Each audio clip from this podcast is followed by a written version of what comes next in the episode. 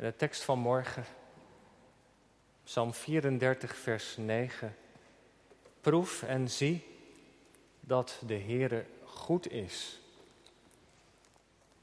Gods goedheid proeven is het thema voor deze overdenking, deze preek. Gemeente van Christus. De Heere is goed. Dat zegt de dichter van morgen.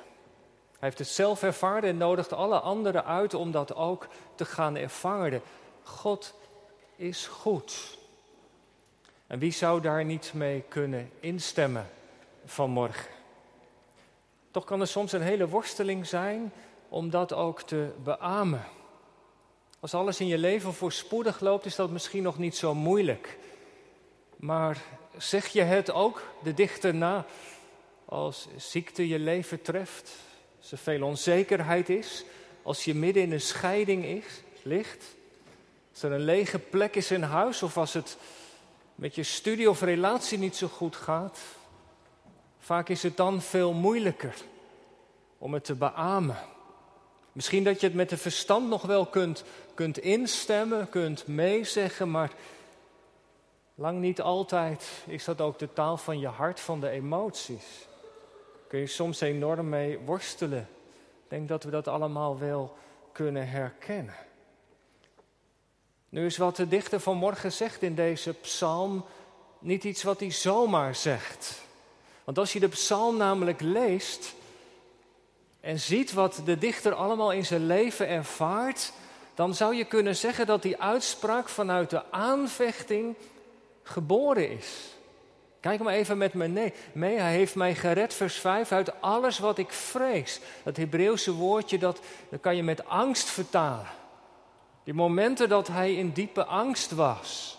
Of hij spreekt verder in de psalm over benauwdheden over mensen die hem kwaad doen. En dan vers 20 valt hij dat allemaal samen. De rechtvaardige, het sadiek, de gelovige, heeft veel ellende. En dat zijn de omstandigheden blijkbaar van zijn leven. En midden in die omstandigheden heeft hij de goedheid van God geproefd. Proef, kom, proef dat de Heere goed is. Wat zou je daar nou mee bedoelen met die uitspraak?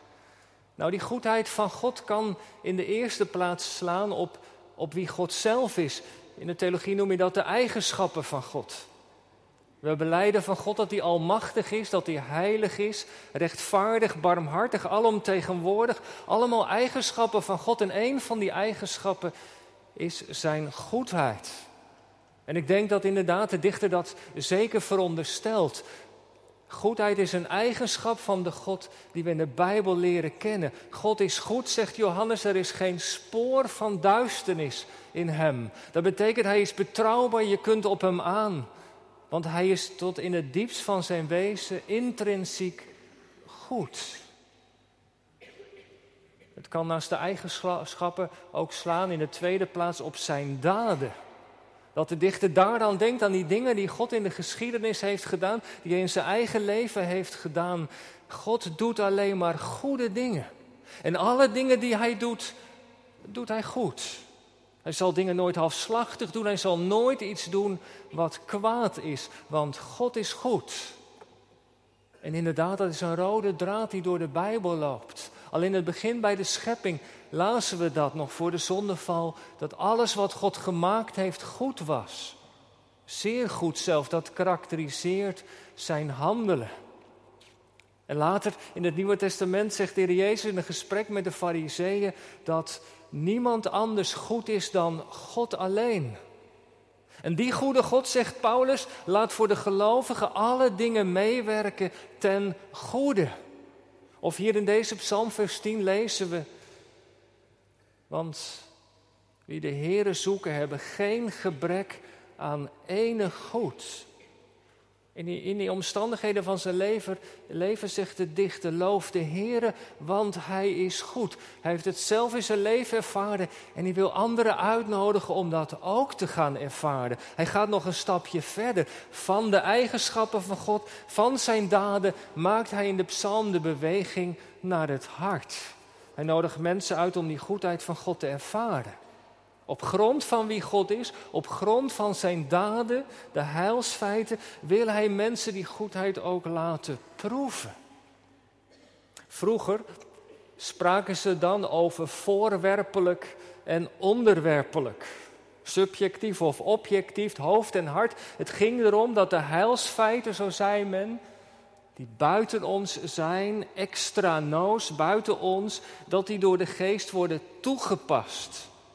In ons, in nobis, in ons binnenste. Je zou kunnen zeggen dat de dichter die beweging maakt in de psalm. De eigenschappen, de daden van God. Maar nou zegt hij, proef en zie dat de Heer goed is. En dat Hebreeuwse woordje voor proeven, dat betekent dat je ontdekt door ervaring. Je kunt alleen iets proeven, van voedsel bijvoorbeeld, als je dat in je mond stopt. Je kunt alleen maar weten hoe iets smaakt als je dat in je mond stopt. En dat wil de dichter nou.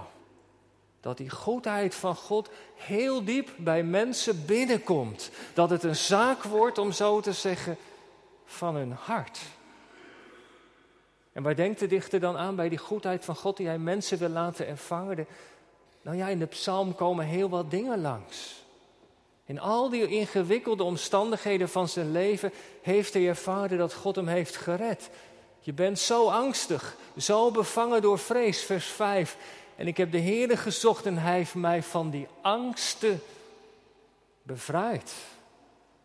Daarin er die goedheid van God op. Of vers 8, de engelenwacht. Als je terugkijkt in zijn leven, waren er allerlei momenten dat hij, of misschien zijn gezin, zijn kinderen, als hij die had, door Gods engelen werden beschermd. Die de Heere vrezen hebben geen gebrek. Hij heeft die goedheid van God zien oplichten in de dagelijkse zorg van de Heere voor zijn leven. Vers 16. De ogen van de Heer rusten op de rechtvaardigen, zijn oren zijn gericht op een hulpgroep die God in de hemel was bewogen met zijn leven.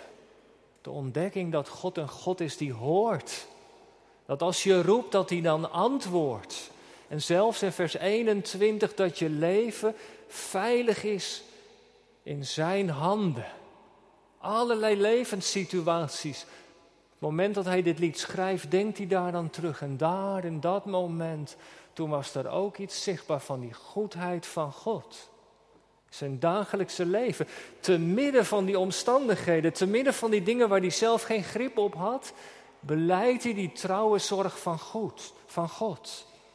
Het is Gods goedheid die mij staande heeft gehouden. En die ervaring, die heeft hem overweldigd. En daarom schreef hij dit lied. En hij wil anderen daarvan deelgenoot maken. Proef het maar. En zie hoe goed de Heere is. En gemeente, ik dacht, zo is die tekst naar me toegekomen. Ik dacht dat deze uitnodiging van die oude psalmdichter, of van die dichter van die oude psalm, bij uitstek wel bij, met het avondmaal verbonden kan worden. Want de Heer Jezus heeft immers het avondmaal ingesteld tot versterking van het geloof. Hij heeft ons opgedragen tot aan de wederkomst om Hem te blijven gedenken. Het brood en de wijn die we straks mogen nuttigen, die wijzen naar die goedheid van de Heer Jezus, aan wat Hij voor ons heeft gedaan. Het brood en het wijn, dat brood dat verbroken wordt, dat wijst naar zijn lichaam dat Hij voor ons heeft laten breken aan het kruis. Dat bloed dat vloeide, dat verwijst naar de verzoening die hij heeft gedaan voor onze zonde. Verwijst naar de overwinning die hij behaald heeft op de macht van de zonde, dood en de duivel. En daar aan zijn tafel, in die instelling, wil hij ons laten delen. In de vrucht van zijn heilswerk. Proef het maar. En zo komt hij vanmorgen voor ons staan. Zo moet je het eigenlijk zien als je aan tafel zit. Dat de Heer Jezus bij je langskomt en dat hij het brood aanreikt. En let dan even wat hij tegen je zegt. Ik ben het brood des levens. Als je dit brood eet, zul je leven tot in eeuwigheid. En als je de beker krijgt aangereikt, dan staat hij voor je en dan reikt hij je die beker aan. Dit is mijn bloed, dat vergoten wordt tot verzoening van al je zonden. Jezus heeft het avondmaal ingesteld om ons van zijn goedheid te laten proeven, zodat het zijn heil een zaak wordt van ons hart. En wat is daarvoor nodig om die goedheid te kunnen proeven? Nou, er zit iets van beweging in de psalm. Kijk even mee naar vers 9 en vers 23. Er staat twee keer hetzelfde zinnetje. Wie tot hem de toevlucht neemt, zegt de dichter. En toevlucht nemen, dat is een synoniem voor geloof. Dat is met heel je hebben en houden, met alles wat, wat daarin speelt, God opzoeken. Je zou kunnen zeggen in die beweging dat je opstaat en naar de tafel gaat, dat is met alles wat er in je leven is. Aan vreugde, aan verdriet, aan zonde en wonden. Daarmee ga je naar Hem toe. Heren, dit is mijn leven. Aangaan is ook een beleidenis. Dit is mijn leven. Dit is wat er speelt. Dit is wat mij is overkomen. Dit is waarmee ik worstel. Dit zijn mijn wonden. Dit zijn mijn zonden. En je komt, je zoekt de toevlucht bij de Heer Jezus omdat je weet dat Hij er raad mee weet. Dat is het geheim. Luther zei die vrolijke ruil. Hij weet raad met, met al die dingen van mij. En hij geeft mij wat ik nodig heb. Als je tot Hem de toevlucht zoekt, zegt het laatste vers, dan word je niet schuldig verklaard. Dat is mooi. Als je komt met al, alles wat erin is in je leven, wat goed is, wat niet goed is. Je zult niet worden schuldig verklaard. Hij neemt het van je af. Hij spreekt je vrij. Als je komt, ik veroordeel u niet.